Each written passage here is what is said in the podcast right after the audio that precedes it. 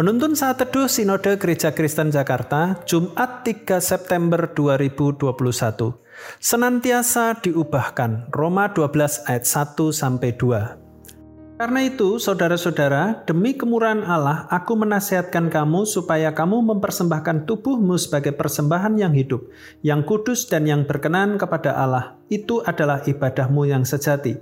Janganlah kamu menjadi serupa dengan dunia ini, tetapi berubahlah oleh pembaruan budimu, sehingga kamu dapat membedakan manakah kehendak Allah, apa yang baik, yang berkenan kepada Allah, dan yang sempurna. Senator Robert Kennedy pernah berkata bahwa setiap tahun rokok membunuh orang Amerika lebih banyak daripada jumlah seluruh prajurit yang terbunuh dalam Perang Dunia Pertama, Perang Dunia Kedua, Perang Korea, dan Perang Vietnam. Bahkan dalam 10 tahun terakhir ini, kebiasaan merokok dilaporkan telah membunuh sekitar 3 juta orang Amerika Serikat. Wow, ini sangat dahsyat bukan? Kematian karena kecanduan rokok melebihi korban perang yang pernah ada.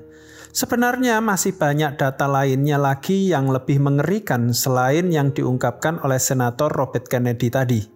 Tapi yang hari ini kita mau belajar bahwa karena kecanduan rokok, manusia seolah dipenjara seumur hidup dan akhirnya dibunuh karenanya.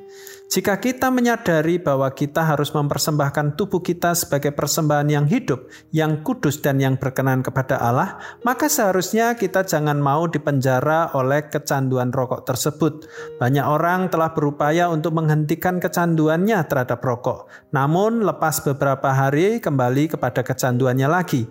Firman Tuhan hari ini khususnya di ayat yang kedua mengingatkan kita bahwa kita jangan serupa dengan dunia. Bila kita anak-anak Allah yang telah dimerdekakan dari dosa, maka kita harus meninggalkan segala pola hidup lama yang sia-sia. Perhatikanlah pula kata berubahlah dalam terjemahan bahasa Indonesia. Ternyata kata itu tidak ada dalam teks bahasa Yunani. Yang ada adalah kata metamorphostai yang berarti be transformed.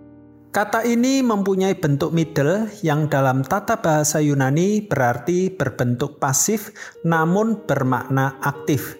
Selain itu, kata ini adalah kata perintah, berarti sesuatu yang sangat esensial dan harus dilakukan. Serta kata ini adalah kata kerja yang dilakukan dalam waktu sekarang, saat ini atau present dengan demikian, kata berubahlah dapat diterjemahkan senantiasa diubahkan. Maksudnya adalah setiap orang percaya di dalam Kristus diberikan anugerah dari Allah untuk mengalami perubahan hidup serupa Kristus sekarang ini di setiap hari.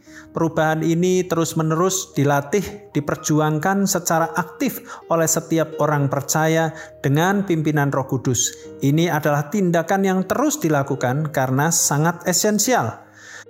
Jadi Allah telah memberikan anugerah perubahan itu melalui karya salib Kristus Yesus.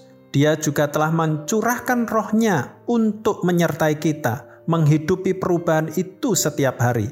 Selain itu, dia juga telah memberikan kita firman-Nya yang tertulis, yaitu Alkitab yang mengajarkan, menuntun hidup kita dalam menjalani masa diubahkan terus-menerus ini. Dengan demikian, kita dimampukan untuk menjalani perubahan hidup yang semakin serupa Kristus Yesus.